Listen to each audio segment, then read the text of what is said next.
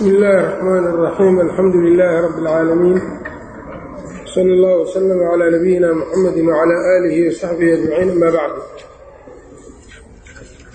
waxaan soo haynay kitaabkii alfusuul fii siirati rasuuli lxaafid ibni kaiir raximah اllahu tacaala waxa uu yihi ibnu kaiir faslun waxaan ka soo baxnay hijradii rasuulka calayhi salaatu wasalaam iyo dhisidii uu dhisay masaajidka. Waxyaabihii kale nebigu uu madiine ka qabtay ayuu noo tilmaamayaa hadda. Waxa uu yidhi faslun wawaadaca rasuulu llaahi sala allahu calayh waalihi wasalama nebiga uu la heshiiyey man bilmadiinati dadkii madiine ku sugnaa oo min alyahuudi yahuud ah. Wa kataba bidaalika wuxuuna arrinkaa heshiiskaa oo ugu qoray kitaaban kitaab warqad wa aslama waxaa islaamay xabruhum caalimkoodii cabdullaahi ibnu salaam ahaa radia allaahu canhu wa kafara caammatuhum badankoodna way gaaloobeen oo nebiga waa diideen yahuud. Wa kaanuu waxay ahaayeen yahuuddii nebigu uu madiine kula kulmay. Halaaa qabaa'ila saddex qabiil. Banuu qaynuqaacin hum saddexda qabiil banuu qaynuqaac wa banu nadiir wa banuu qurayda saddexdaas qola bay ahaayeen. Rasuulkii markuu masaajidkii dhisay oo guryihiisiina laga agaaraha masaajidka laga dhisay wuxuu galay dadkii madiino deganaa laba qolo ayay ahaayeen yahuud iyo labadan qole ows iyo khasraj ee hadda ansaar noqotay markaas. Ayay ahaayeen.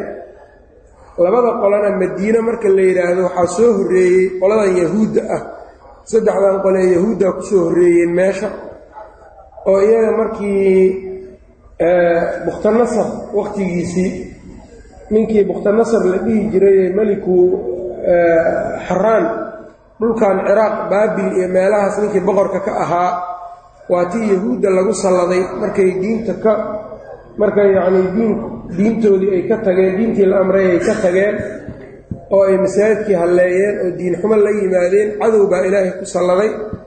Cadowgaasna wuxuu ahaa bukhtanasar guryahoodiibuu ugu galay masaajidkiibuu ku laayey waana bililiqaystay masjidul aqsa oo markaa yahuuddu ay haysay. Cadaab aad u daranna waa dhadhansiiyey way qaxeen marka. Qaybtii marka madiine u soo qaxday saddexdan qolay ahaayeen banuu qaynuqaac wa banuu nadiir wa banuu qurayda saddexdaas qolo ayay ahaayeen.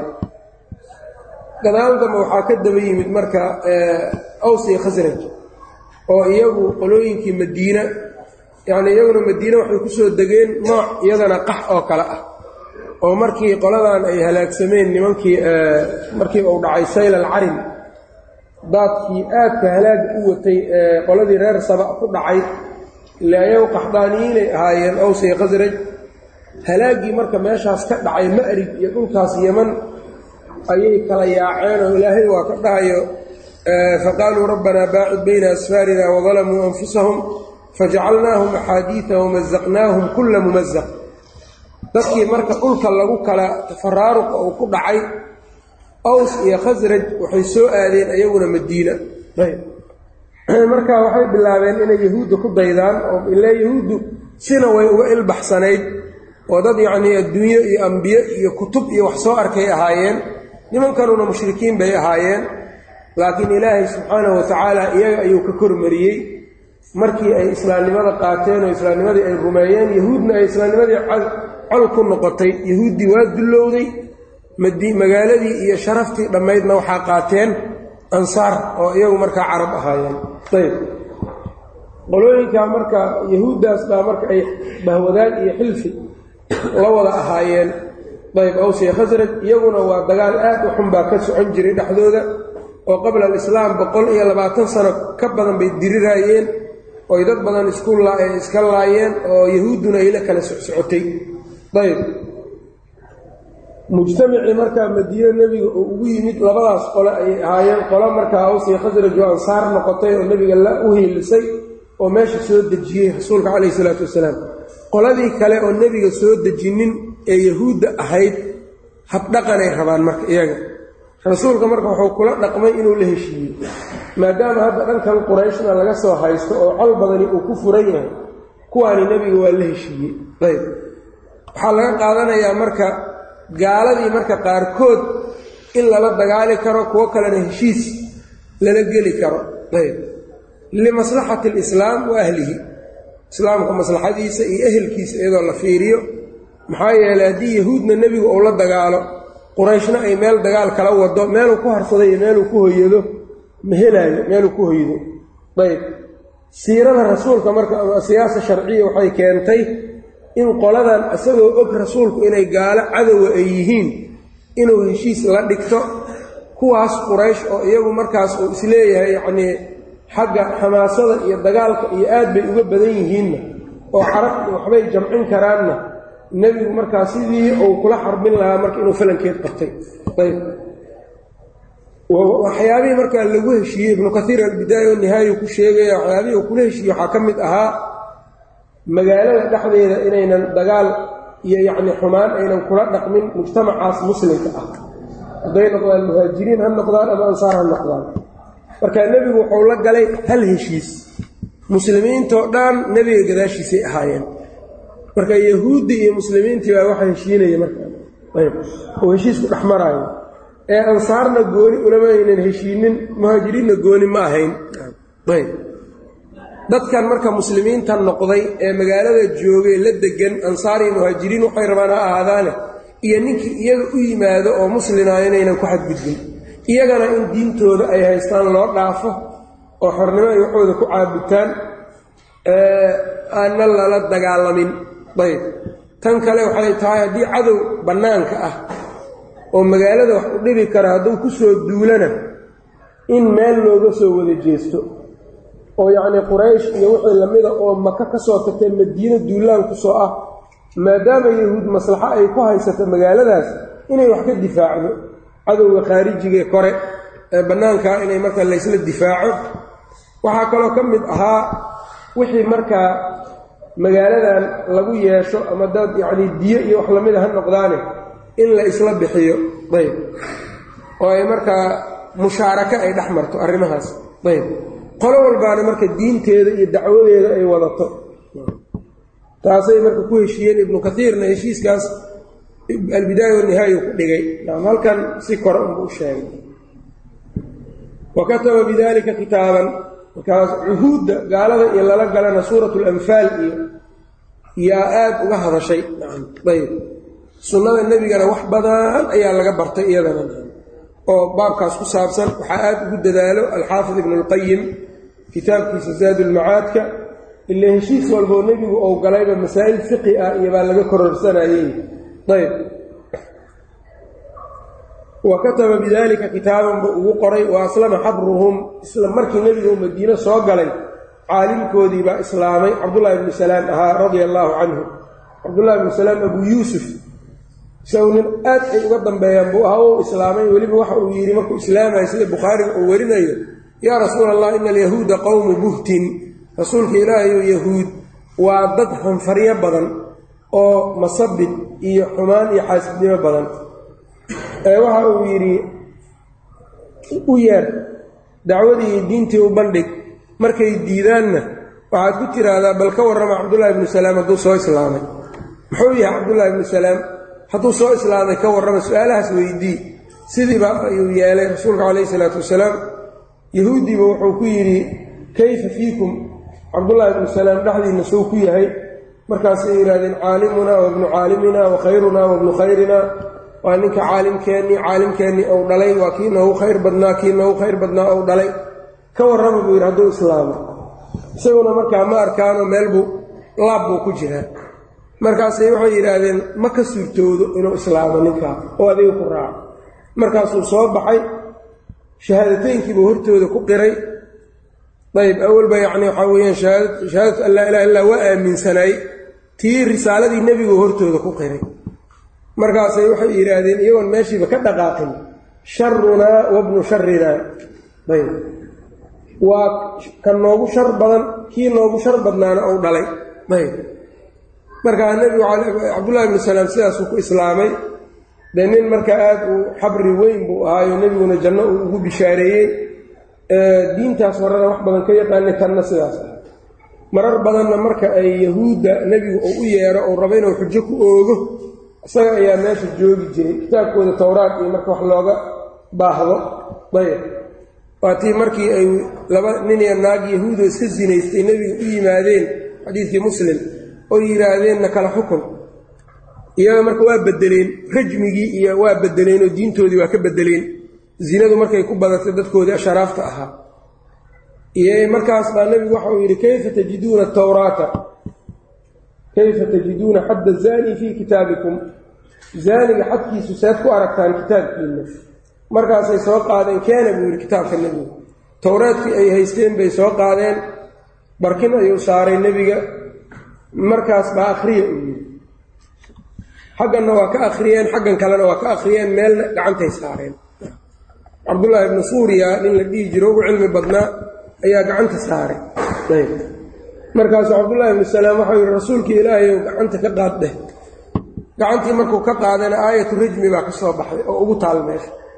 Taa marka waxay kutusaya yahuuddu xataa wixii ay kitaabkooda ka bedeleen iska badaaye wixii ku qornay xataa inay ka tageen. Xilligii rasuulka oo kitaabkooda taxriifka ku sameeyeen xataa waxa ku qornaa xataa mayna ku camalfali jirin. Ayb. Tabdiil. Markaas haddana ilaahay u nisbayn jireen waa kii marka nebigu labadoodaba uu rajmiyey dabadeedna ilaahay uu ku mahadiyey oo uu yidhi ilaahu arrinkaaga ama amarkaaga ninkii ugu horreeyo nooleeyo ayaan ahay ilaahay kugu mahad alla markaa ku mahadiyey. Wa kafara caamatuhum yahuuddii badankood way gaaloobeen oo kufaaran xasadan min cindi anfusihim. Iyo falamaa jaaahum maa carafuu kafaruu bih. Cilmi bay marka ku dhumeen ayagay ku gaaloobeen. Wa kaanuu waxay ahaayeen alaaa qabaa'ila saddex qabiil banuu qaynuqaac wa banuu nadiir wa banuu qurayda saddexdooda qolana heshiiskii waa ka baxeen. mid walbaa qadri iyo dhagar iyo khiyaanay sameeyeen. waana sida awalba alla uu ka sheegayo walaa tasaalu tadalicu calaa khaa'inatin minhum ilaa qaliilan minhum buu ilaahay yidhi haddana laakiin qofka in waxa aad ku dilaysid iyo waxa aad kula dagaalamayso inay cad yihiinaa la rabaaye adiga qof xun baad tahay isagoon xumaantii laga arkin haddaad iskaga oroddo waa dhibaato. Walidaalika nebigu calayhi salaatu wasalaam waa la iska ilaalinayey. Maslaxadiisana waa ka watay oo waa la heshiiyey. Markay heshiiskii ka baxeenna waxay mudan yihiin buu marsiiyey.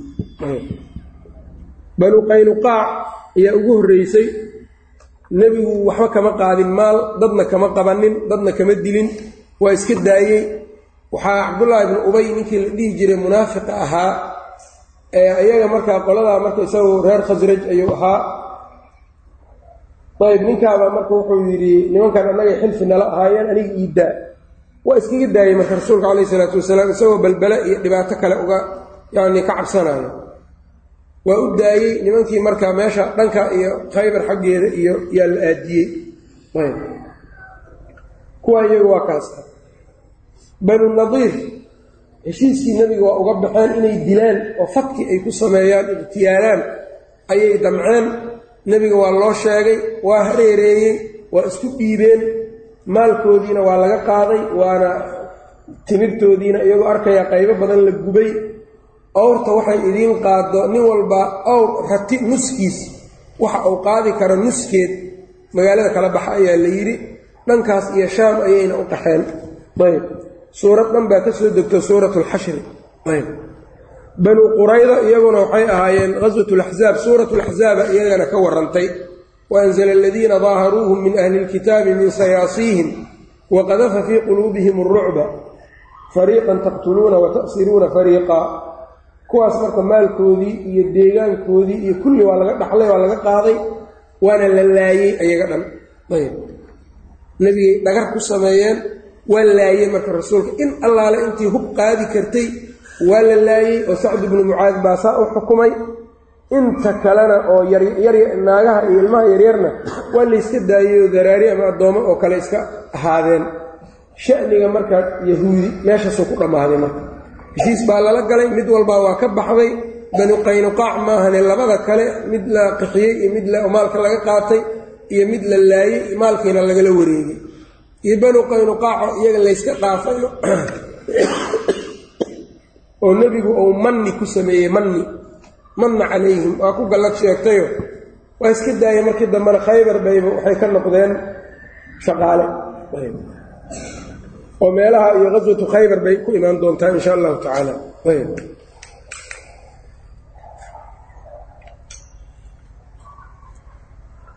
wa aakhaa rasuulu llaahi sala allahu calayhi waalihi wasalama bayna almuhaajiriina waalansaar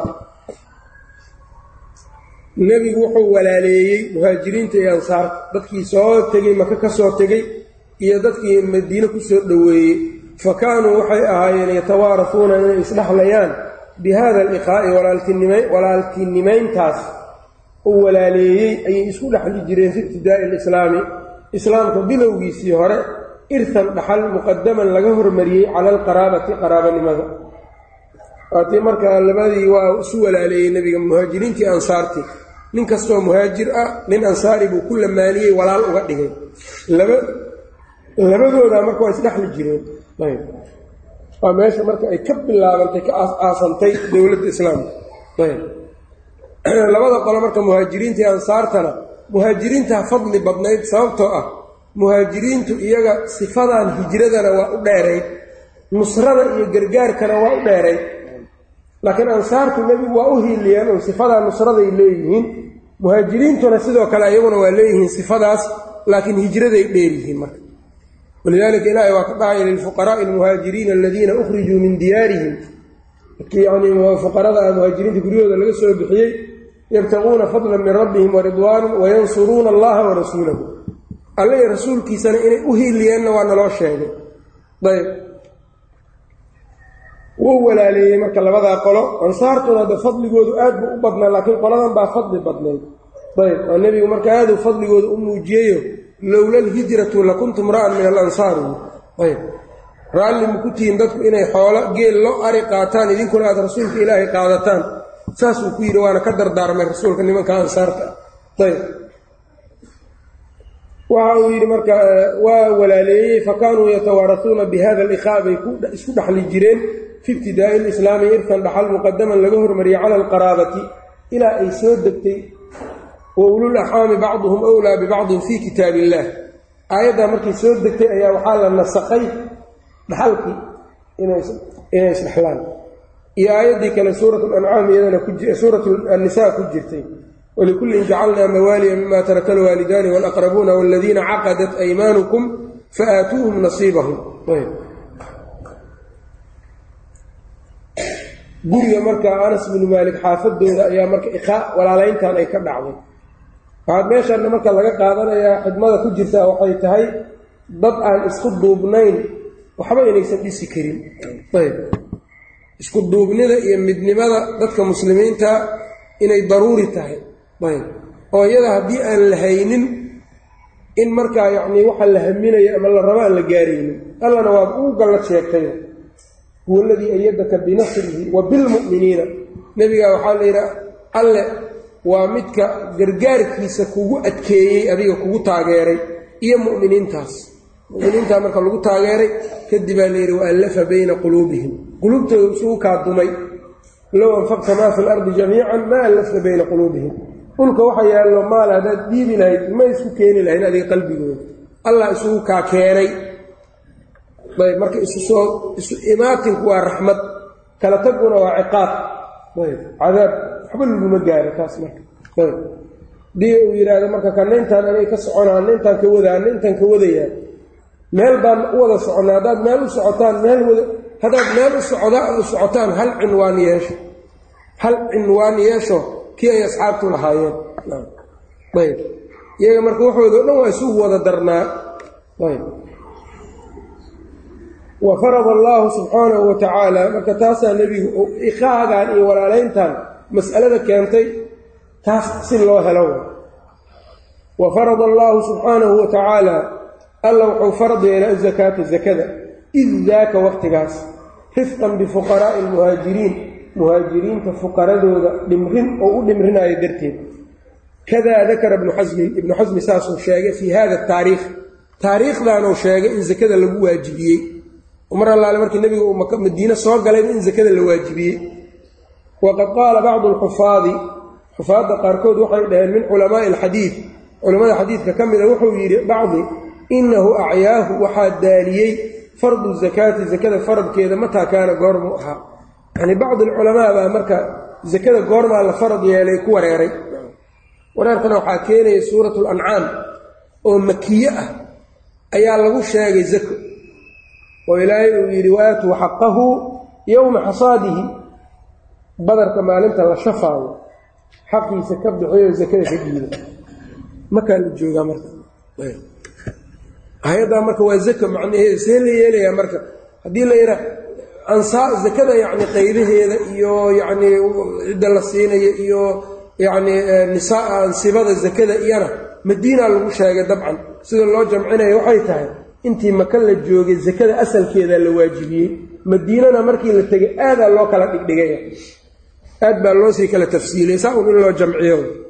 Ayb faslun fardu ljihaadi jihaadka faradkiisa walama istaqara rasuulu llaahi sala allahu calayh waali wasalam nebigu markuu ku sugnaaday bilmadiinati madiina bayna adhuri alansaar ansaar dhexdeeda markuu nebigu ku sugnaaday wa ay u kafaalo qaadeen ansaartu binasrihi nebiga uhiilintiisa wa mancihi iyo ka celintiisa ay ka celiyaan min alaswadi waalaxmari mid madow iyo mid guduudanba. Wax walbo inay ka celinayaan ay ka celin karaan markay nebiga u kafaalo qaadeen ramathum ulcarabu carab ayaa gantay qaadibatan dhammaanteed can qowsin waaxidin hal qaanso ayay kaga soo gemeen yanii carab oo dhan baa saf ka noqotay dhinac hal qaanso ayaana looga soo tuuray. Yani waa laysugu tegey baa laga wadaa. Wa tacaraduu lahum min kulli jaanibin. Wa tacaraduu lahum way u soo banbaxeen min kulli jaanibin. Dhinac walbay uga soo baxeen marka. Cadaawad marka rasmi ah oo meeshaas marka magaalada madiina marka waxay noqotay meesha farta lagu soo godo. Wa kaana markaa madiina waxaan ka tagnay markii madiine ay tageen. Madiine magaalo waxay ahayd aad u kaneeco badan oo u qandho badanay ahayd. Waa ku jiradeen asxaabtii rasuulka muhaajiriintii weliba. Ayb aad bay ugu daltabiyoodeen waa ku xanuunsadeen.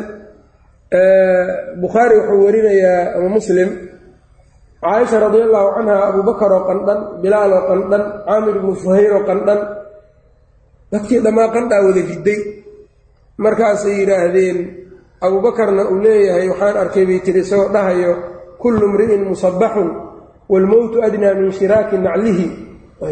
Qof walbaa waa soo waabariisanayaa waalmowtu adnaa min shiraaki naclihi iyadoo geeridu ay kabta uga dhowdahay.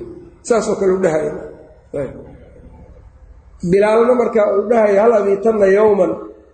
Maalin unma yacni habeen unma baryi doonaa oo mar unma tegi doonaa meeshii idkhirka badnayd oo buurihii sidaas ahay iyo maka u hilooday ayb.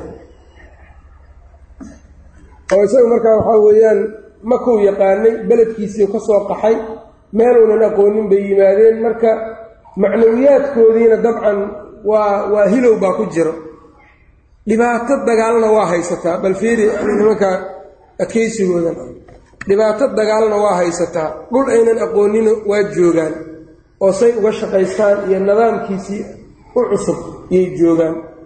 Ayb sidaasay marka dhahayeen. Rasuulkii markau maqlay oo uu arkay waa u duceeyey magaalada madiina.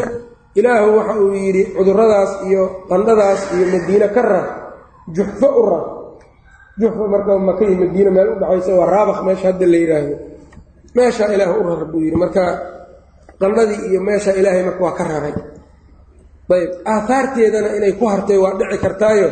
Markii ay cumratulqadaa sanadii toddobaad markii ay cumraysanayeen nebiga asxaabtiisa waa tii ay qurayshi ay tiri fiiriya waxaa idiin imaan doona dad qad wahanathum xumaa yatrib dad ay qandhadii madiine ay taagdarnaysiisay ayaa idiin imaan doono. Waa ka nebiga markii yidhi muruqa midigta ah yacnii garabka midig hala banneeyo hana la ordo. Si loo tuso yacnii nimankan inaanan annagu dad tabar daran aanan ahayn. Ayb marka raad unbaa weli ku sii haray ku sii harsanaa ayb. Waxaa kaloo iyadana aan ka tagnay mujtamacii madiine waxaa soo baxay mujtamac cusub. Oo markaa yacnii muslimiintii dabcan iyo iyo yacnii iyo yahuuddii waxaa weheliyey niman kaloo iyaguna munaafiqiin ahaa oo islaamnimadana daahir ahaan u sheegtay hoostana dibindaabiye ka waday. Intii maka la joogay waxaas ma jirin. Madiine markii la yimid bay soo baxeen qoladaa eekan yahuuddiina dad baa diinta soo galay munaafiqnimo u soo galay. Intuba markaa ahlu siyarka waa sheegeen. Markii nebigu marka uu sidaa helay watacaraduu lahum min kulli jaanibin dhinac walbay marka uga soo banbaxeen. Kaana allahu subxaanahu ilaahay subxaanahu watacaala qad adina lilmuslimiina muslimiintii wuxuu u idmay fi ljihaadi jihaadkiiba u idmay fii suurati alxaji suurat lxaj wa hiya makiyatun suurat lxajna waa makiya. Fii qowlihi tacaala udina liladiina yuqaataluuna biannahum dulimuu wa ina allaha calaa nasrihim laqadiir. Udina liladiina kuwii waxaa loo idmay yuqaataluuna lala dagaalamayey biannahum dulimuu in la dulmiyey sababteeda. Taas sababteeda ayaa waxaa loo idmay alqitaalu qitaalkii baa loo idmay dagaalkii. Wa ina allaha allana calaa nasrihim gargaarkooda laqadiirun weeyaan mid awoodo inuu u heeliyo jihaadkii marka maraaxil buu soo maray. Marxaladii koowaad waxay ahayd jaa-is mubaaxuu ahaa. Dadka lala dagaalamay waxaa loo idmay inay iska celiyaan inay dagaalamaan waa loo idmay. Idin bay joogtay.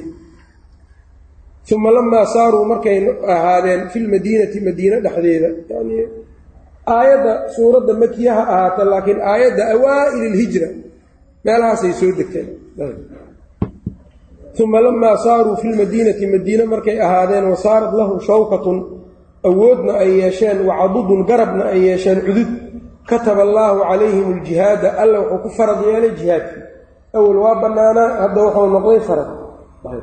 Waa marxalad labaadoo kutiba calaykum alqitaalu waxaa la soo dejiyey kutiba calaykum waxaa la idinku farad yeelay alqitaalu dagaal walxaal huwa isaga oo kurhun yacnii dhibsasho lakum idinka ay idinkugu sugan tahay kahasho wa casaa waxaa xaqiiqa an takrahuu inaad nacaysaan shay-an shay wa huwa khayrun lakum isagoo idiin khayr badan wa casaa an tuxibuu shay-an shay inaad jeclaataan baa badan wa huwa sharun lakum sharna uu idin yahay wallaahu yaclamu ilaahay waa ogyahay wa antum laa taclamuuna idinkuna ma ogidiin maslaxadiinni tanna waa marxaladii labaad marxaladan labaad marka waxaa kaloo ku dhex jiro dadka ay la dagaalamayaan waa la xadiday oo waxaa la yidhi waqaatiluu fii sabiili illaahi aladiina yuqaatiluunakum kuwa idinla dagaalamaayo ilaahay jidkiisa idinku kula dagaalama. Bis gaal kale inay la dagaalamaan lama farin. Kuwa idinla dagaalamaayo la dagaalamaa la yidhi bis. Marxalada kale saddexaad wuxuu noqday marxalo yacni caam ahoo waqaatilu lmushrikiina kaafatan kamaa yuqaatiluunakum kaafa.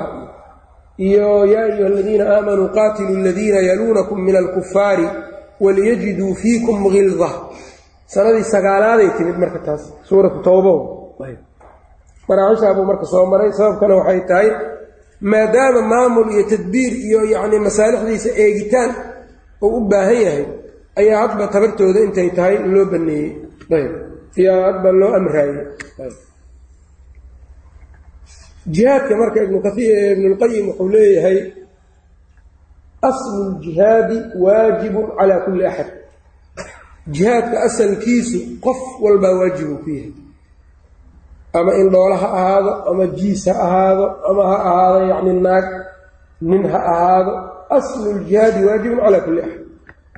Asluljihaadkaasna waxaa weeyaan buu leeyahay jihaad lqalbi nin laga dhaafay kaas male waqti la dhaafayna ma leh. Amaa jihaadu nafsi waalmaali kaas baa marna fardu kifaayo noqdo marna fardu cayn noqdo sidiisa bannaan sidiisa badan waa fardu kifaayo. Haday qola u baxdo jihaadka dalabka inta kale dembiga waa ka dhacayaa laakiin intii u baxday baa ajar ka qaadanayso. Kuwaan kale ajar ma helayaa ayb. Waqad yatacayanu inuu waajibana waa la arkaa waa saddex ama afar marxaladood. Saddexda marxaladood waxaa weeyaan marxalad waxaa weeyaan istinfaar hadduu dhaco ninka muslimiinta xukumaa haddii uu dad mucayana uu jihaadka u diro waajibuu ku noqonaa dadkaas. Fardu cayn. Waida stunfirtum fanfiruu marxalada labaad waxay tahay haddii dhulka islaamku ay qabsadaan gaaladu ay gacanta ku dhigaan dadka meeshaas joogo iyo wixii u dhow dhow intii meeshaas marka ka bixi karta dagaalkaas oo gaaladaa meesha ka bixin kartaa waajibuu ku yahay. Calaa ayi marxalatin ay marka u galaan. Ayb. Kii maal haystana maal naf maal iyo yacnii iyo carab kulli. Marxalada xaaladda saddexaadna waxaa weeyaan marka uu farducaynka uu noqonaayo waa marka uu qofku xaadiro safka dagaalka. Ninkii saf dagaala tago fardu kifaayada ha ahaadee mar haddaad safkii tagto iskama soo noqon kartid.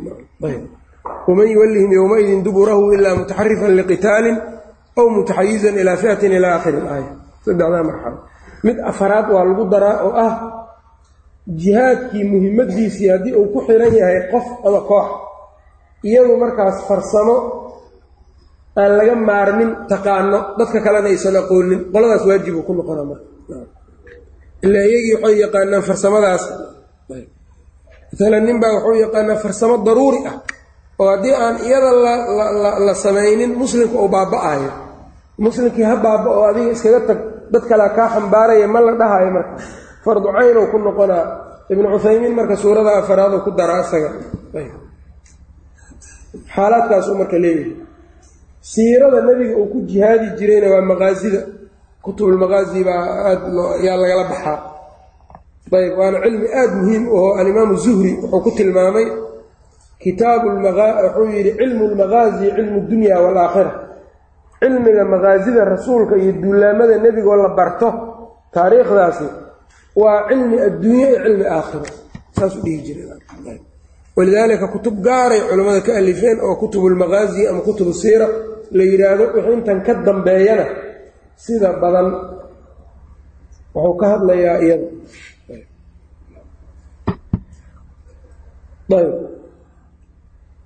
fardu ljihaadi walama istaqara rasuulu llahi marka ayb taasuu marka sheegay faslun fakaanat awala gazaatin gazaaha rasuulu llaahi sala allahu calayh waalihi wasalama duulaankii ugu horreeyey oo nabigu uu duulo wuxuu ahaa gaswat alabwaa duulaankii la magac baxay al abwaa abwaa marka meel magaceed waaye qaswada marka sidaasaa loogu magac daray. Wa kaanat fii safar safar bay ahayd min sanata tnatayni min alhijra sanadii labaad ee hijriyada. Hijradu markay sannadkii labaad ay ahaa bishii safar ayuu dhacay. Kharaja binafsihi nabiga nafsadiisaa baxay xataa balaga waddaan intuu ka gaaray meesha waddaan la yidhaahdo gaswat labwaa haddaad maqasho iyo gaswatu waddaan waa isku mid. Fawaadaca banii damrata bni cabdimanaaf ayuu la soo heshiiyey. Bni kinaana maca sayidihim iyaga ou sayidkooda la jiro mujdiyi bni camrin meeshaa markuu gaaray dabcan quraysh iyo niman kalaa wada socday qoladan bani kinaana dagaal ma dhicin. Ninkan marka mujdiyi bnu camrin oo oday u ahaa qoladaas bani damra nebiga ayuu la heshiiyey heshiiska ay galeenna wuxuu ahaa inuunan ku soo duulin nebiguna inuunan qoladaas soo weerarin adna qoladeyda ha ku soo duulin annagana waxaan ballan kuu qaadayna inaanan kugu soo duulin. Saasaa lagu heshiiyey marka uma kara raajican nebiga waa laabtay isagoo noqonayo ilalmadiinati u laabanayo walam yalqa xarban dagaal lama kulmin. Wa kaana istakhlafa calayha madiina wuxuu ku soo dhaafay sacda bna cubaada radia allaahu canhu dagaalkaa markasa wax dagaala aan dhicin oo xarbi aan la kulmin ayuu nebigu laabtay. Wuxuu u laabtay madiina. Markii horena madiine intuu ka maqnaa wuxuu madax uga dhigay sacd bnu cubaada siirada nebiga marka waxaa ka mid a mar allaale markuu madiine ka baxaayo ninbuu madax uga sii dhigi jiray. Ninkaa madaxda dadka wuxuu u qabanayaa waa tujinayaa axwaashoodana isagay ugu imaanayaan wixii axwaal ah. Dad meel deganoo cid maamushaa aan jirin diin ma aha. Sharciguna sidaa ma qabo. Waxaa dhici karta marka bacdi innaas inay leeyihiin intay arkeen yacni xukuumado iyo dowlado xunxun ayaa yacnii macnihii kala dambaynta dhammaay yay naceenba. Dowlad la'aantaaba roon ay ku leeyihiin. Sidaanaaba diinta u roon dad dhahayaad arkaysaa. Uma roono hadday diinta u roon tahay rasuulkaa dadka iskaga tegi lahaa biduuni yacni istiqlaal. Ambiyada ilaahayna saasay ahaayeenoo nabiyullaahi muuse markuu ka tegay dadkiisa haaruunuu ku dhaafay. Oo wuxuu yidhi ukhlufnii fii qowmii dadkayga iiga khaliif noqo wa aslix walaa tattabic sabiila almufsidiin. Hagaaji dadka mufsidiinta jidkoodana ha raaci mar walbaana nebigu saanuu samay jiray calayhi isalaatu wasalaam. Bal rasuulka waxau yidhi saddex qofood markay safar gelayaan dad saddexba la eg. Hal nin amiir ha ka dhigtaan. Maanta haddii aan koox annagoo intaan israacno magaalo kale inaan aadno aan rabno waa inaan nin amiir ka dhiganno talada ugu dambaysa noo gooyo oo markuu dadka ay isla tashtaan talada ugu dambaysa saanaa la yeelay bis waa la yeelay. Xataa hadday adig dhib kugu tahay iska yeel waxa aad jamaacada ku karaahsanayso ayaa yacnii ka fudud marka la fiiriyo waxa aad kuwaxaad kaga tegaysa taasaa marka aad u badnayd muslimiinta arrinkoodana maa zaala inuu sidaa ahaa. Mar allaale markii nebigu uu dhintay saxaabada waxay ku mashquuleen ciddii ay dooro lahaayeen. Haddaysan muhiim ahayn hala socdaa la dhihi lahaa naga marka haddaan soomaalinahay awalna dad iska ruucaado waxaan iska ahayn reer baadiyo geel raacato ah. Ayb. Ninka geellaydaana dad uma baahno. Ilaa wax maslaxa ay kala dhexaysaa ma jirto asaga. Ayb. Geelaasuu raacaa duurkaasuu wareegaa cid maslaxa ay kala dhexaysaa ma jirto magaaladii markii la yimidna wax un xun dowlado xun unbaa la arkay. Iyo nidaam xun nidaamkii dhammay marka waa layska tuuro waa ayb xataa dadkii diintii ayay daahir ka tahay. Qofku waxaa weeyaan haddii uu yidhaahdo mayani diinta saanaan u arkaa saanaanna samaynaan nin laga dambeeyo iyo mid laga tala qaato walaa culumo walaa yacni cuqaal walaa xataa yacni waxaa weeyaan dadka talada loo dhiibta mid laga amar qaato male nin walbaa maskaxdiisa diintii ou ka maago ku dhaqmaa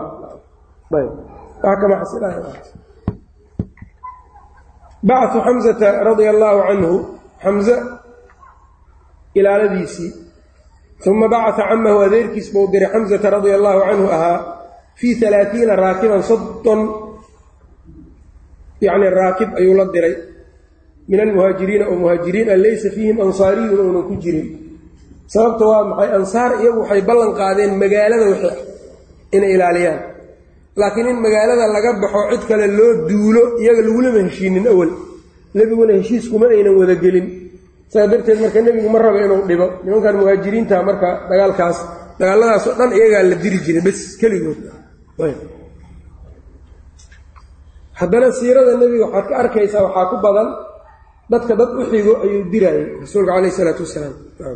Xamse iyo iyo midda soo socoto cubaydata bni alxaaris ibni cabdilmualib iyo waa adeerkiis in adeerkiis ayuu wada diri jiray si dadka aynan isku dhihin ninkan annaga unbuu nagu rabaa inuu nagu noolaado madaxtinimada uu nagu helo si aan laysu dhihin. Iyo midda kale khayrka iyo wanaagga wixii ahna dadkiisa uu hormari jiray rasuulka calayhi isalaatu wasalaam. Laakiin wuxuu marku ay yihiin wax isdiwaajiyo ku socdo ama aan xaq ahayn qofka aan la ahayn dadyago kale iskaga hormariyaan ayb. Kuwiisana waa reebtaa. Ayb. Sida macruufkaba ayb saa marka nebigu ma ahayn. Maadaama waxaan inay xaq yihiin buu ogaa dadkiisa uu hormarin jirayba uma bacata camahu xamsata radia allahu canhu buu diray fii alaaiina raakiban min almuhaajiriin. Muhaajiriinta ah laysa fiihim ansaariyun ansaari una dhexdooda aanu ahayn. Ilaa sayfi lbaxri buu u diray meeshaas. Ayb ilaa abi jahlin ilaa abi jahl bni hishaam ayuu u diray. Iyo wa rakbin safar macahu isaga la socday zuhaaa alaatimiatin saddex boqol oo nin camal iyagiina dhibaataa ku dhacday mar allaale markay ganacsi rabaan inay diraan waa inay ciidan ku daba daraan. Iyagii marka waxaa madiina waxay ku taallaa shaam iyo iyaga waddada loo maro. Halkaasaa loo fadhiyaa iyaga marka. Faxaala baynahum waxaa kala dhex galay nebiga yacni soddonkan xamse ciidankii oo watay iyo abujahl ciidankiisii waxaa kala dhex galay mujdiyu bnu camrin almutaqadim ninkii soo hormareen min bani damra ee nebiga la heshiiyey ayaa kala dhex galay. Liannahu maxaa yeelay mujdi kaana wuxuu ahaa muwaadican lilfariiqayni labada qolaba nin heshiis kula jiro ahaa. Qolada abujahlna heshiis buu kula jiray quraysh. Dee nebigana waa kii heshiis la galay. Halayska dila marka ma socoto. Ninkan heshiis buu qabaa dadka nebigu uu diray waa og yihiin ninkan in nebigu uu la heshiiyey. Ma taaba karaan marka mana taabanayo waa marka waxaa weeyaan amarka iyo heshiisyada iyo wax walbaa inay fuli karaanaa la rabaa. Haddaan ciidanku uusa waxba fulinaynin oo nin walbaa wixii ku soo dhaco uu samaynayo de ninka amiirkana amiir maaha ciidankuna ciidankuna waa ciidan iska cisaabo bachu cubaydata bni alxaaris radia allaahu canhu wa bacaa cubaydata bni alxaaris bni lmualib ayuu diray cubaydata bni alxaaris bni cabdilmualib fii rabiici alaakhir ayuu diray rabiic alaakhir fii sanad fii sittiina aw amaaniina raakiban lixdan ama siddeetan oo awr markaa fuushan min almuhaajiriina oo muhaajiriinta ka mida aydan kulligood ay muhaajiriin yihiin ilaa maa-in buu u diray biyo ceel yani meel biyo fadhiyaano bilxijaazi xijaaz dhulka xijaaz biasfala haniyati lmarati haniyat lmara haniya waxaa la yidhahdaa buurta meesha ay ka fongaran tahay. Buurta meesha ay ka fiiqan tahay. Oo karinta oo kale oo buurtu ay ka kala dhex ay ka kala baxsantahay ka fiiqan tahay. Ayaa haniye la yidhaahdaa luqada carabiga haniyat ilmara meeshaas ayuu marka u diray falaquu waxay la kulmeen jamcan. Jeish yani ciidan bay la kulmeen cadiiman weyn oo min qurayshin quraysh ah. Calayhim cikrimatu cikrimo uu markaa madax u yahay ibnu abi jahl. Wa qiila waxaa la yidhi bal kaana calayhim mikraza bni xafs yaa u ahaa amiir. Falam yakun baynahum qitaalun dhexdoodii dagaal ma dhex marin. Ilaa ana sacda bna abi waqaas laakiin sacad ayaa rashaqa almushrikiina mushrikiinta ku boobay yowmaydin maalintaa bisahmin leeb. Yacnii leeb ayuu marka waxaa weeyaan u aada ugu tuurtuuray. Wuxuu ku hoobiyey leebab ayuu ku hoobiyey ku daadiyey dayle dagaalaba loo socday ee walba moogtahay fa kaana wuxuu ahaa sacad awala sahmin fa kaana wuxuu ahaa leebkaasi awala sahmin leebkii ugu horreeyo rumiya bihi loogu ganay fii sabiilillahi ilaahi jidkiisa. Sacad baa marka manqabadaas yeeshay ninkii ugu horreeyey oo leeb ilaahay jidkiisa ku tuura ayuu ahaa. Walidaalika markii nimankii ciraaq aad u tacanudka badnaa madaxadayga badnaa ayaa wakhtigii cumar sacad bay ka soo dacwoodeen waxay yidhaahdeen ninkan sacad ibn abi waqaas. Cumar marka aad yacni maamulkiisu wuxuu ahaa haddii nin laga soo dacwoodo dad marka xaqiiqda raadiyuu diri jiray. Madiinow marka dad ka diray arrintan soo ogaada bal waxa sacad laga sheeganaya bal soo hubiya cumar isagu waa ogaa sacd ibn abi waqaas nin wanaagsan inuu yahay oo cashara almubashariin ka mid yahay. Haddana laakiin meeshii maadaama dad la maamulayo ay tahay waa in la qanciyo dadka waa diray marka ciidankii dadkii markii uu diray masaajidii iyo meelihii xaafadihii bay ku soo wareegeen. Nin baa marka masjid reer bani yani nin usaamat ibnu qataada la dhihi jiraa kacay markaasuu wuxuu yidhi haddaan annaga la weydiisa sacd ibnu abi waqaas saddex arrin baan ku haysanaa salaada si fiican nooma tujiyo yidhi. Kow midda labaad waxa uu yidhi sariyada iyo ciidanka ma raaco. Midda saddexaadna laa yacdilu fi lqadiya qadiyada loo keenana cadaalad kama sameeyo. Saddex arrin. Waana beentiisa. Yay ahayd. Waa la weydiiyey marka sacad cumar waa su'aalay sayd u tukataa. Markaasu wuxuu yidhi aniga sidii nebiga aan ka arkay kama nuqsaamiyo. Yiri labada hore waa dheereeyaa labada dambe faatixadan ku gaabiyaa sidii uu tukan jiro sheegay. Laakiin wuxuu yidhi waxaad ogaataa laqad khibtu wa khasirtu.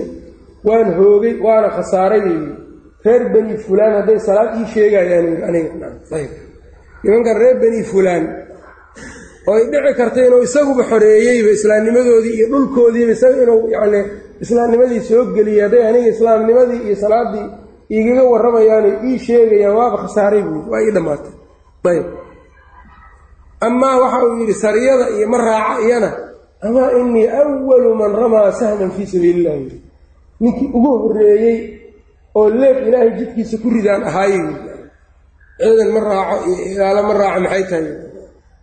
Markaasuu yidhi ilaah haddii ma yacnii addoonkaaga haddii waxa uu yidhi ninkan addoonkaaga haddii uu u istaagay qaama yacnii sumcatan wa riyaa-an ismaqashiin iyo istutus iyo haddii uu u istaagay oo beenna uu ku sheegayo waxaan uu igu tuuray allaahuma adil cumrahu wa adil faqrahu wa caridhu lilfitan ilaahu cumrigiisa dheeray ee faqrigiisana dheeray fidnadiisana ilaahu ku sallad fidno ninkii markii dambe waxaa la arkay isagoo waayeel inta noqday soo gotay. Timihii marka baararkan ay ku dhaceen indhihiisii ay ku dhaceen oo markaa yacnii gabdhaha yaryarna markaa waddada ku qabsanaya ama yacnii ugu iljebinaya markii la su'aalay la yidhaha war maxaa kugu dhacayna? Shaykhun maftuunun oo dadkana u baryaayo wax weydiisanaya wuxuu dhihi jiray shaykhun maftuunun asaabatnii dacwatu sacdin. Maxalushaahidka marka waxaa weeyaan sacad saabiqadiisiibuu sheegay marka waa saabiqadiisii marka middaa mid male marka qofka mararka qaarkood hadduu ka hadduu manqabadiisa iyo saabiqadiisa oo muujiyo dhib ma laha. Laasiyama markaasoo kale nacam dad cawaam ahoo yacnii daalimiin ah marka yacnii ay wax walba qaataan.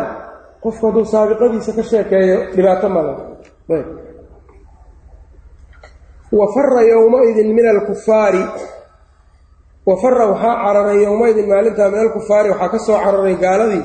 Ila almuslimiina u soo cararay almiqdaadu bnu camrin ilkindiy wa cutbat bnu ghaswaan radia allaahu canhumaa labadaa nin baa ka soo carareen muslimiintay u soo galeen.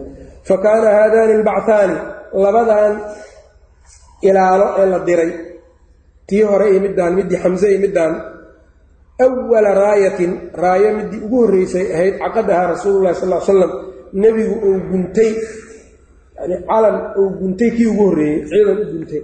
Walaakin ikhtulifa waa la isku khilaafay fii ayihimaa kaana awal labadan bacfi kii horreeyey wa qiila waxaa la yidhi inahumaa kaanaa waxay ahaayeen fi sanati aluulaa sanadii hore min alhijrati ee sanadii labaad maba ahayn wahuwa qowlu bni jariir aabariy weyaan buu yidhi wallahu tacaala aclam. Ayb calamadan nebiga oo u guntayna albidaaya wanihaaya ibnu kaiir wuxuu leeya calamo cadcad bay ahaayeen. Way cadcadaayeen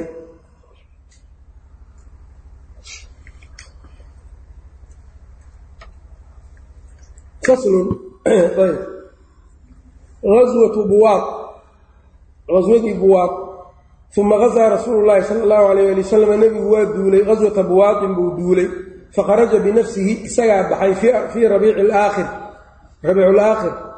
min asanati ahaaniya sanadii labaad wastacmala cala almadiinati madiinana wuxuu caamil uga dhigay ou ku dhaafay assaa'iba bna cuhmaana bni madcuun fa saara wou socday xataa balaga buwaaq ilaa uu buwaaq gaaray min naaxiyati radwa dhinaca radwa meesha la yidhaha uma rajaca waa laabtay waa soo laabtay walam yalqa xarban dagaal lama kulmin.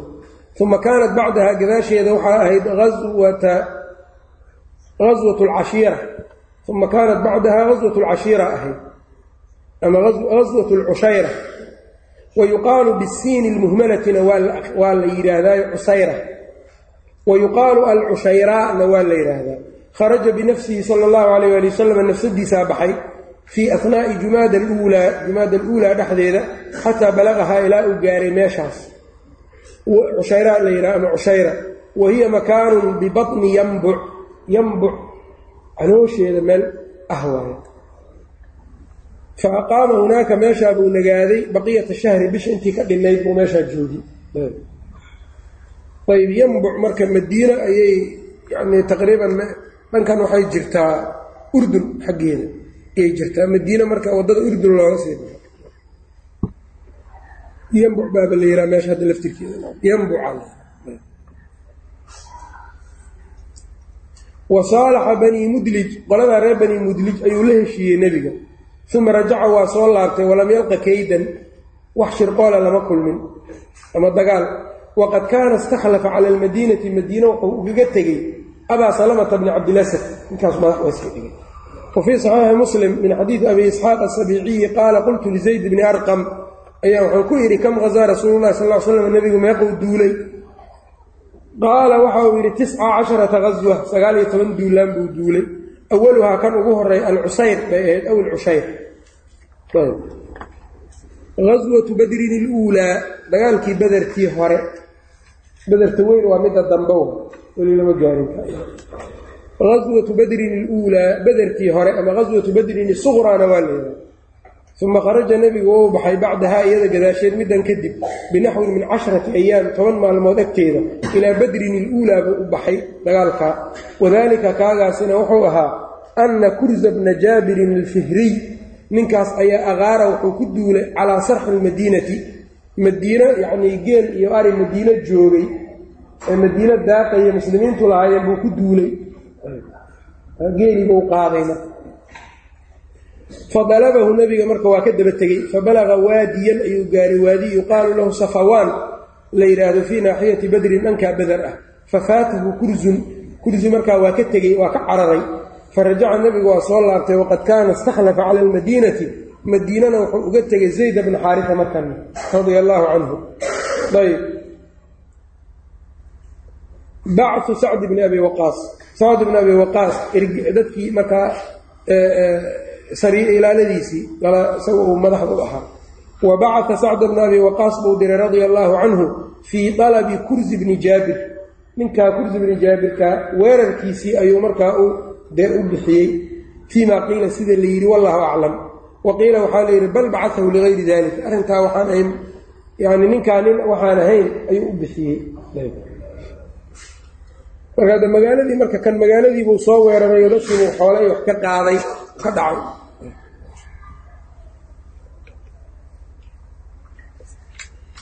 Marka dadkaasoo kale marka nebigu waa ka daba tegi jiray. Xukunka uu ku fulin jirayna wuxuu ahaa sida iyagu yeelaanoo kale u yeeli jiray. Waana muxaarabo. Waa yacnii intay xoolihii muslimiinta soo weeraraan ay qaataan waa xarbi nimankii marka curaniyiinta ah waa kii nebigu uu si daran u galay.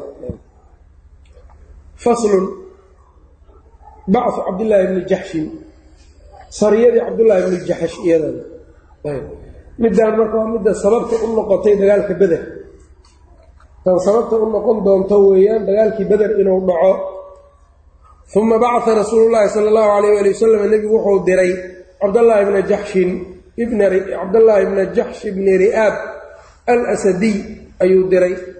Wa amaaniyatan iyo sideed oo min almuhaajiriina muhaajiriinta ka mid ah. Cabdullahi bna jaxsh iyo sideed muhaajiriinta ka mid ah. Amiirowba uga dhigay marka. Wakataba lahu kitaaban buu u qoray kitaab.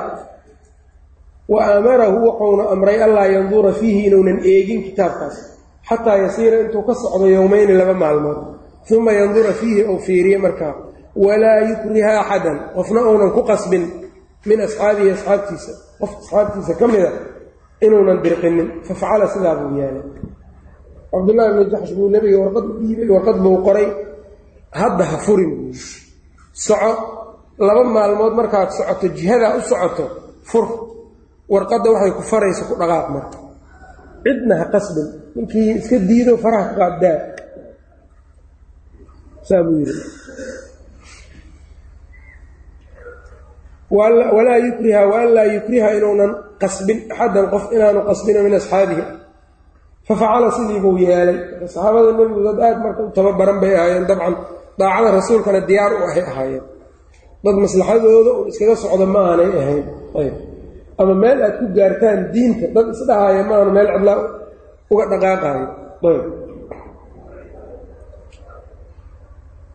Walamaa fafacala sidii buu yeelay walamaa fataxa alkitaaba warqaddii markuu furay wajada fiihi wuxuu ku arkay idaa nadarta haddaad aragto fii kitaabii haadaa kitaabkaygan haddaad fiiriso famdi soco xataa tanzila intaad ka degto nakhlata nakla meesha la yidhaahdo beyna makata waaa'if waaa'if maka iyo daa'if u dhexayso maka iyo daa'if meel u dhexayso naklo la yidhaahdo waa meesha sanamkii cuso uu yaallay halkaa tag deg fatarasad bihaa ugu dhako oo meeshaa ugu darbanaaw qurayshan quraysh ugu darbanaaw meeshaas. Wa tacalam lanaa noona soo ogaa noona soo ogow min akhbaarihim akhbaartooda. Warkoodana noo ogowo noo keen. Laba muhiimad baa marka loo diray. Muhiimad waxaa weeyaan inuu cayn ou noqdo cayn. Alcayn waxaa laga wadaa qofka jaasuuska ayb. Marka qof muslima in la diro oo cadowgaas soo jaasuus la yidhaha bannaanta nebiguna waa adeegsan jiray mararka qaarkoodna waxaa dhacaysa xataa gaalada kuwa ka mida inuu adeegsanayo intuu lacag siiyo akhbaar noo keena u leeyahay u dhihi jiray marka xeelo dagaal waa la yeeli karaa laakiin orodoo qof muslima iisoo jaasuus ma banaana walaa tajasasuu buu ilaahay. Yiri qofka haddii lagu tababara marka oo loo diyaariyaba dadka muslimiinta uun yacnii dareen ka qab soo dhegeyso warkaas warka ka soo qaad taas nebiga ma samey jirin. Meel uu ku sameeyeyna lama haayo bal ilaahay wuxuu yidhi walaa tajasasuu. Haysjaasuusinina haysbaarbaarinina ruuxa haddii islaamnimadiisa wanaag lagu yaqaano waa inaan la warraadin iyo tajasus iyo inaan loo googoobin ayb. Marka dadku muslimiin iyo gaalo unbay ahaayeen iyo munaafiqiin. Ayb. Nabiga calayhi salaatu wasalaam marka munaafiqiinta waa ka jeesa jiray dibindaabyadooda isagoo og waana iska jiray waxna ma yeeli jirin. Isagoo markaas ka baqaaya in la yidhaahdo moxamed asxaabtiisa u laayaa si aan loo dhihin. Qoladan kalo iyaguna marka yacnii gaalada ahna akhbaartooda inuu raadiyo xaalkooda ogaado la dagaalo iyagoona waa yeeli jiray laakiin muslimiintii dhexdooda orod qoladaa maxay ku waabariisatay? Soo jaasuus ma jiri jirin. Ayb marka wuxuu leeyahay saabuu ku amray. Walamaa fataxa alkitaaba wajada fiihi idaa nadarta fii kitaabii hada famdi tak xataa tanzila nakhlata bayna makata wadaa'if fatarasad bihaa ugu dhaka meesha qurayshan quraysh ugu dhako. Wa tacalam lanaa noo soo ogow min akhbaarihim warkooda. Ayb. Faqaala samcan wadaacatan faqaala wuxuu yidhi warqaddaa markuu akhriyey cabdullahi bnu jaxash samcan wadaacatan. Altazimu waxaan laasimsanayaa samcan maqal iyo wadaacatan adeecitaan saasaan anigu laasimsanaya wa akhbara asxaabahu dadkii dadkiisiiba u sheegay la socday. Bidaalika arrinkaa. Wa biannahu laa yastakrihuhum inuunan qasbayninna waa u sheegay. Faman axabba qofkii jeclaysta buu yidhi ashahaadata ilaahay jidkiisa inuu ku dhinto falyanhad ha soo baxo waman kariha almowta geerida qofkii nacana falyarjic ha iska laabto. Wa amaa ana aniguse fa naahidun mid tegayaan ahay aniga. Famadow kulluhum dhammaantood way baxeen marka. Falamaa kaana fii ahnaa'i dariiqi jidka dhexdiisii markay ku sugnaadeen oy marayeen adalla sacdu bnu abi waqaas. Sacdu bnu abi waqaas iyo cutbatu bnu khaswaan cutbo waa ninkii gaalada ka soo cararay oo muslimiinta u soo galay hore waay labadii nin. Nin ka mida sacad iyo cutba ayaa waxay dhumiyeen baciiran rati lahumaa labadooda ay lahaayeen. Kaanaa yactaqidaanihi ay isku cirbinayeen. Oo cabaar mid uu koraayey ka degaayey kan kale haddana cabaar uu raacay koraayey. Ila gaadiidku waa yaryahay ratigaadaa marka ka dhumay oy lumiyeen. Fatakhallafaa way ka hareen marka dadkii. Fii dalabihi bay ku hareen marka fatakhallafaa way ku hareen. Fii dalabihi geela marka ratigaa raadintiisa wanafada cabdullaahi bnu jaxshinna waa fulay hore u sii socday xataa nazala binakla naqlo meeshaa intuu ka degay famarad bihi waxaa soo maray ciirun liquraysh awr quraysh u rarnayd taxmilu xambaarsan zabiiban zabiib wa adaman iyo markaa yacnii iidaan u saaran yahay wa tijaaratan iyo ganacsi fiiha camru bnu lxadramiy iyo wa cuhmaan bnu nawfal ibnaa cabdillaahi bni lmugiira ay wadaan. Ayb fiiha camru bnu lxadramiy wacumaan iyo wa cuhmaanu wa nawfalun ahaayeen. Ibna cabdillahi bni lmugiira ahaayeen iyo walxakamu bnu kaysaan mowla bani lmugiira intaas ayaa ganacsigaa waday marka. Marka dabcan quraysh bay ganacsiga u wadaan. Ayb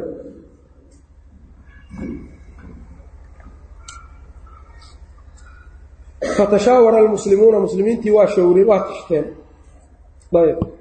Wa qaaluu waxay yidhaahdeen markaa ninkan amiir ha u ahaado laakiin waa la tashanaa iyaga mushaawaraduna yani marka jihaadka lagu jiro waxay ka fiican tahay ama maray ka munaasabsan tahay maba jirtaba. Maxaa yeele khatarna waa la gelaa. Ruuxu waxa uu khatarta u gelaayo waa in lagala tashto. Haddii aan lagala tashanin xooggiisa maku seenayo iyo maalkiisa. Ayb haddaad adiga caawa go'aan u soo gaarto warna uusan u haynin. Go'aankaanan kuu wadaa iskaga soco. Ma soconaysan. Hadday dad u soconaysa rasuulkay u soconahayd nebigi baa ilaahay wuxuu ku yidhi fabimaa raxmatin min allaahi linta lahum walow kunta fadan haliida alqalbi lam faduu min xawlik haddaad qallafsanaan lahayd ood ad adkaan lahayd waa kaa yaaci lahaayeen dadkan mana kuu gargaari lahayn saxaabadaas waa dadkii dadka ugu fiicnaa ayaa waxaa laleeya waa carari lahaayeen. Qallafsanaanta waa ku cararayeen saxaabada dad fiican maa jiran laakiin ilaahay naxariistiisa ugu jilicsanaatay. Facfu canhum wastakfir lahum washaawirhum fi lamri faidaa cazamta fatawakal cala allah. Dadka marka talada lala tashtaa qalbigooda lagu sameeyaa. Ayb marnaba marka saxaabadana kama zuulin nebiguna waa ku dadaali jira soo rasuulka ilaahay. Ayb laakiin dadku yacni waxaa weeyaan waxay diidayaan haddii intaad adigu go'aan u gaarto meesha a ku wadda ma yaqaanaan. Go'aanka meeshaad ku soo gaartay war uma haayaan. Adig unbaa go'aanka soo gaaray. Waa u keentay marka saan yeela.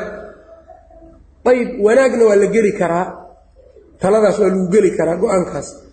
Dhibaato weynna waa lagula dhici karaa marka ninkan dhibaatada weyn haba kula qaybsadee talada haddaad wax ka siisa hadhow adiga maku eedaayo si fiicanuuna uga qayb qaadanan diinta ilaahay saas waa marayb waa qur'aanka saan ku hayno axaadiidta nebigana waa ku haynaa. Sidaasaana muslimiinta u wanaagsan. Ayb. Dadkana marka waxaa weeyaan hadday sidaa yeelaan waa isu caloolfiyoobaanayn haddii kale laakiin adiga le waayaa lagu leeyahay dadkiina waa rafaadayaan adigana wax aada wadda meel ma gaarsiinaysa adig dadkiiba marka waa isku rafaadsanaanaysaan marka. Ilaa dadka tala aynan wax ku lahayn markaad adu iska soo gaarto waa ku dhibtoonayaan dabku shiddo iyo dhib naf iyo maal waa ka baaba-aan. Adigiina maanta guusha aad rabto ma gaaraysid ilaa dadkulama socdaan adigii marka wax kuu dhaama male inaad hadiga nebiga raacdid calayhi salaatu wasalaam fatashaawara almuslimuuna muslimiintii way showreen. Wa qaaluu waxay yidhaahdeen naxnu annaga fii aakhiri yowmin min rajab. Maalinta ugu dambayso rajab baan joognaa. Ashahri alxaraam bishii xurmada lahayd. Fa in qaatalnaahum haddaan la dagaalanno intahagnaa waxaanu qararinaynaa oo aan dilaacinaynaa an ku xadgudbaynaa. Ashahra alxaraam bishii xurmada lahayd. Gaaladuna waa yaqaaneen bishaa inaan la dagaalamin muslimkuna agtiisa mutaqariray ku ahayd wain taraknaahum haddaan iskaga tagna alleylata caawana dakhaluu lxarama xaramkaa dhow xaramkii bay naga gelayaan. Hadday xaramkii galaanna de xaramkii laguma dagaalami karaan. Uma tafaquu waxay isku waafaqeen marka calaa mulaaqaatihim nimankaa inay la weeraraan ay la dagaalamaan.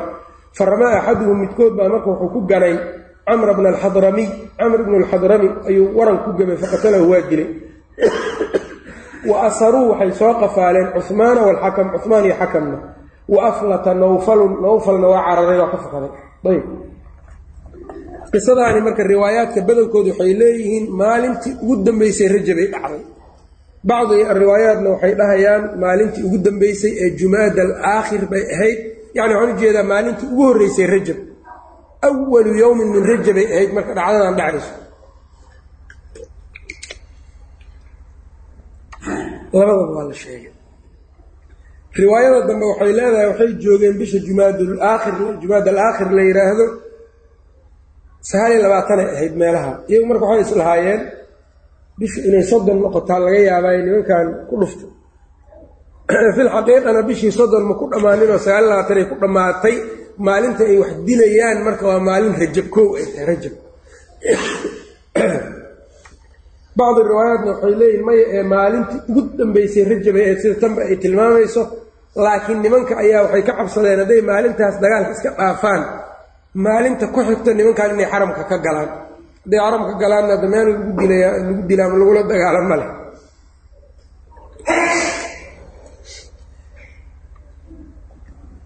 waa iska ijtihaadeen ninkii bay dileen marka uma qadimuu waxay la soo galeen marka bilciiri safarkiibay marka soo qaateen. Iyo wal asiirayni labadii maxbuus. Ayb ayay soo qaateen. Qad casaluu min dalika alkhumus min dalika alkhumusa. Khumuskiibay gaar uga bixiyeen marka. Xoolihii ay soo qaniimaysteen shan meeloodoo meel ayay gaar uga bixiyeen marka. Fa kaanat waxay ahayd awala haniimatin haniimatii ugu horreysay fi lislaami islaamka dhexdiisa wa awala khumusin khumus la bixiyaa kii ugu horreeyey fi lislaami khumusku axkaamta haniimada iyuu ku saabsan yahay. Wa awala qatiilin bay noqdeen. Qof la dilo kan ugu horreeyey fi lislaami islaamka dhexdiisa. Yacnii qof gaal ah oo islaamka gacan muslimiinta gacantooda ku dhintana ninkii ugu horreeyey camar alxadrami baa noqday. Wa awala asiirin fi lislaam maxbuus islaamka ou qabto qabsado kii ugu horreeyena kuwaasaa noqdeen. Ayb awal marka ilaa ana rasuula allahi sala allahu alayh waalihi wasalama laakiin rasuulka ankara calayhim waa ku inkiray maa facaluuhu waxay sameeyeen nebigu waa ku inkiray bilxurmale yaa dagaalama idin yidhi buu yidhi waa ku inkiray rasuulka calayh isalaatu wasalaam ayb waqad kaanuu radia allaahu canhum waxayna ahaayeen iyagu mujtahidiina dad dadaalay bay ahaayeen intay xag walba wax ka fiiriyeen iyo waxay is yidhaahdeen war maslaxadan iyo mafsadadaani amay maslaxada badan tahay ayb waqad kaanuu radia allaahu canhum mujtahidiina bay ahaayeen fii maa sanacuu waxay sameeyeen washtadda waxaa adkaaday tacanutu qurayshin quraysh madax adeegeedii baa sii adkaaday wa inkaaruhum daalika iyo arrintaa ay ku inkiraan ile markaan waxay heleen moogta fursade marmarsiyay heleen marka awal muslimiinta wax marmarsiya lagama haynin dembi iyo xumaan uma haynin been unbay ka sheegi jireen laakiin hadda waxay leeyihiin waa kanaa diintii ay diinay haystaan. Diintii nabiyullaahi ibraahim iyo waxay sheegaysa bilahan xurmadale inaan qof la dilin. Bil xurmale bay dad dilayaan waxaas bay la imaadeen wax cusub. Meel marka ay ka duraan ayay ka dhigteen waa marka wa qaaluu waxay dhaheen muxamadun muxamed qad axalla shahra alxaraam bishii xurmada lahayd ayuu xalaashaday. Faanzala allahu caza wajalla ilaahay wuxuu soo dejiyey fii dalika arrinkaa yas'aluunaka can ishahri alxaraami qitaalin fiih qul qitaalun fiihi kabiir. Waxaa la leeyahay eeddaas nin fiican hadduu soo jeedin lahaa fiicnaa lahayd laakiin. Idinku waxaad dhex fadhisaan fiiriya yas'aluunaka waxay ku su'aalayaan can ishahri alxaraami bishii xurmada lahayd bilaha xurmada leh. Qitaalin bay ku weydiinayaan dagaal fiihi bisha dhexdeeda la dagaalamo. Qul waxaad tidhaahdaa qitaalun dagaal fiihi bisha xurmada leh dhexdeeda la dagaalamo kabiirun arrin weyn waayo arrin weyn oo aan bannaanayn waayo bal fiiri marka insaafka diinta garsoorka. Nin muslin ah waxaan sameeyey xaq waayo ma la dhahayo wixii aan xaq ahayn xaq ma aha. Habeen iyo maalin marka taasaa la sheegaan. Oo yacni si cad baa diintu ay u sheegaysaan. Dadkan muslimiinta gacantooda dembigii ku dhacay yacni wixii ka dhacay ee bil rajab inay dilaan qof aan loo ogolayn alla wuxuu yidhi waa shay kabiiroo weyn waay culus. Ayb dhinacaa marka waa laga soo jeestay muslimiinta iyaga kay galeen waa la sheegay wasaddun celin can sabiilillahi ilaahi wasaddun celin annaasa dadka la celiyo can sabiilillahi ilahi jidkiisa laga celiyo. Wa kufrun kufri bihi ilaahay lagu gaaloobo. Ayb waalmasjid alxaraami masjidkii xurmada lahaa oo dadka laga celiyo. Almasjid alxaraam marka can sabiilillahi ku cadfantahay wa kufrun kufrin bihi ilaahay lagu kufriyo. Waalmasjid alxaraami masjidka xurmada lehna dadka laga celiyo dadka ilaahay ku caabudi lahaa loo diido. Ayb wa ikhraaju ahlihi masjidulxaraamka ehelkiisa ama dadka ilaahay owliyadiisa ah oo la bixiyo minhu masjidulxaraamka laga saaro laga bixiyo yaa akbaru weynin badan cindallahi ilahi agtiis ku weynin badan. Yacni taad idinku samayseen baa ka weyn waxa ay sameeyeen nimankan nimankan qalad waa galeen laakiin middaad idinku samaynaysa samaynaysaan baa ka badan. Mase allaad ku gaalowdeen masjidkii xurmada lahaa ayaad u diideen owliyadii alle. Oo nebigii iyo dadkii wan wanaagsana baad ka celinaysaan. Ayb idinkana kufri iyo qaawanaan baad ku dawaafaysaan. Dadkii baad ilaahay cibaadadiisa u diideysaan ood ka celinaysaan oo ka hortaagantihiin marka intaasaa ka weynin badan. Dariiqada marka qur'aanku wax ku daaweeyo saas rasuulkuna calayhi salaatu wasalaam ninkii la dilay diyadiisa waa dhiibay la xaalxaaltamay qoladiisii qoladii uu ka dhashay ayuu diyadiisii wax u baxshay tooshiis iyo wax la galay ayb uma ina rasuula allahi sal marka wuxuu leeyahay aayaduhuna marka si insaafay u hadleenoo alla qur'aanka ugu sheegayo qul qitaalun fiihi kabiirun dagaal la dagaalamo bilaha xurmadale waa weyn tahay laakiin tiinnaa ka sii daran. Marka tiinnoo ka daran ma ka dhalanayso marka in qaladkan lagu socdo oo waa sawaab layraa ka dhalan mayso iyaduna waa khalad kale. Ayb laakiin dadkaan iyagu markaa dadaalkoodii ijtihaadkoodii bay sameeyeen sidaanay noqotay wixii ka dhashayna marka in la daaweeye laakiin haddii nin inta lagu qaldamo muslimo la dilo oo ay caddaato qofkan inuu muslim ahaayo dilna aanu mudnayn qofkan marka maxaa laga rabaana wixii ka ratib maayo waa layska rabaa. Diyadiisii iyo waxaas meelay taallaan waa layska rabaa. Qofku marka haddii uu yidhaahdo yani maxaa ka macnaa dhib male waa lagu khaldamay laa ba'sa dhib male dhiigga muslimka marka laa ba'sa ma gelaaye xataa midka gaalka ah ee markaa sida qaldan loo dilay nebigu diyo ka bixin jiray.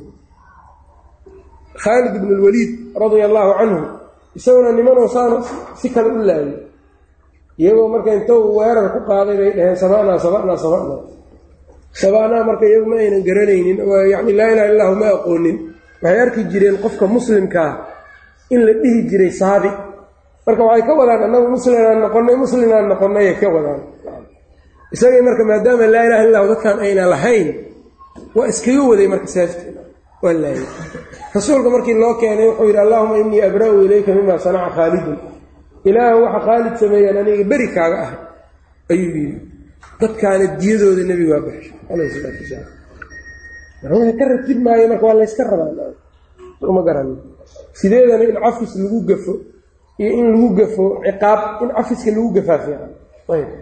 Haddii shubha ay ku gasho waxba ha iska dhaaf adiga adoo raadinayo diintaada adoo nabadgelyo u raadsanayo. Ayb. Siin marka su'aal alle xaggeed uga baxsanaya berri qiyaamo marka la tago. Yaquulu subxaanahu alla wuxuu leeyahay haada aladii midkan waxaa kaloo laga qaadanaya qisadu? Dadka acdaa'da diinta ku ah qaladaadka dadka muslimiinta ay galaan inay ka faa'iidaystaan. Muslimka marka waxaa laga rabaa inay qaladaadka iska ilaaliyaan inta tabartood ah. Waa bani aadam waa gelayaan qalad dabcan laakiin waa inuu yaraado dad maalin walba qalad ku dhex jirto. Ee gaaladuna marka ay qaladkaagii si fiican u soo bandhigayso khatar waxaa ka sii daran waxaas gaaladu qalad ay samaynayso hadday iyadu inkirayso ayna u inkirayso likownihi wax xun inuu yahay darteed. Cuquusha wax ku xun inay tahay darteed hadday iyadu u inkirayso ama isaga leexinayso adoo muslima haddaad la taagan tahay ood sheegato dhib kale waa iyada gaaladii waxaad arkay inay naaga ay laynayaan waa inkirayaan iyagoo la ogyahay inay iyagu laynayaan. Waxaa laga yaabaa bacdi almuslimiin inay ilmo iyo naaga laayaan ay sheegtaan ama ay yidhaahdaan yacnii waa bannaan tahay waxaan. Ayb. Meelo badanoo yacni adduunyadaas waxaas oo kale way ka dhacaan. Ayb. Fataawooyin marka lagu fadwoonayo ilmo iyo naago la laayo iyo waxyaabahaas faraha badan oo mashaakilaad fara badan ay ku dhaceen yaad arkaysaa marka in dad muslimiin ay sheeganayaan iyagu ay tabaninayaan dusha u ridanayaan. Ayb. Gaalkii samaynaayana waa ka cudur daaranaya. Maa waxaas ma fiicno marka. Inaad ogaatid adiga marka in toosh kugu iftiinsan yahayo qaladka aad samayso dadaa boqolaal ku darsanaya marka intaad iska ilaalin karto ku dadaal waana siiro nebigu uu samay jiray. Munaafiqiinta wuxuu iskaga daayey isagoo lay karo waxay ahayd inaan la dhihin nebi moxamed asxaabtiisa laayaa si aan loo dhihin ayb. Haddii marka sumcad xumo ay u baxdo dadkii diinta soo geli lahay ka baxayo qowluhu tacaala ilaahay uu leeyahay rabbanaa laa tajcalnaa fitnatan liladiina kafaruu. Iyo yacnii ilaahay ilaahu gaalada fitnaha nooga dhigin. Waxaa lagu fasiraa tafsiir saxiix ah ah. Ilaahu gaalada fitnaha nooga yeelin. Yacnii innaga dariiqeenna iyo camalkeenna iyo waxa aan samaynayno ilaahu ha ka dhigin mid gaalada diintaada ka leexiyo ninkii soo islaami lahaa inuu iska dhaafaba islaamka limaada? Liajli xumaanta aan samaynayno darteed. Xumaan marka diinta dariiqeeda gaalada uga leexato oo aynan ku soo islaamin ilaahu hanugu qabanin waayo macnaheeda maanta marka say u dhaqmaan muslimkana.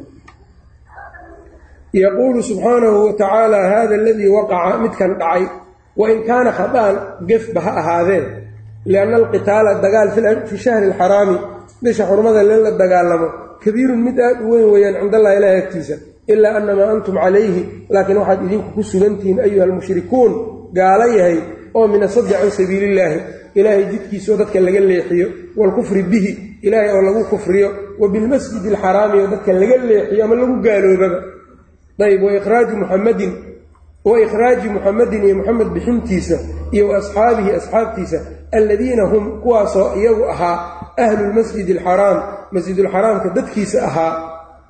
Lianna wuxuu yidhi wamaa kaanuu wliyaaahu in wliyaauhu ila almuttaquun.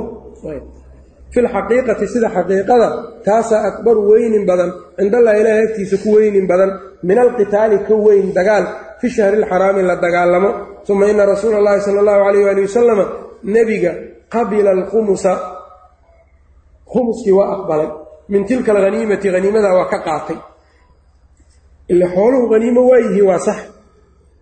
Wa akhada alfidaa'a min daynika alasiirayni wa akhada wuuna qaatay nebiga alfidaa'a madax furashadii. Min daynika alasiirayni labadaa maxbuusna wuxuu ka qaatay madax furasho oo waxbuu ka qaatay iyagana marka waa iska sii daayey saasuu nebigu yaalay calayh isalaatu wasalaam kii kalena marka diyadiisii uu bixiyey camr bnu alxadrami ayb.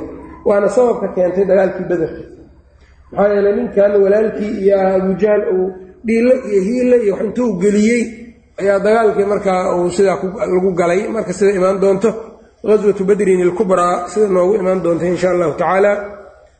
Wabilahi towfiiq sal lla slam ala nabiyina mxamed wala ali slm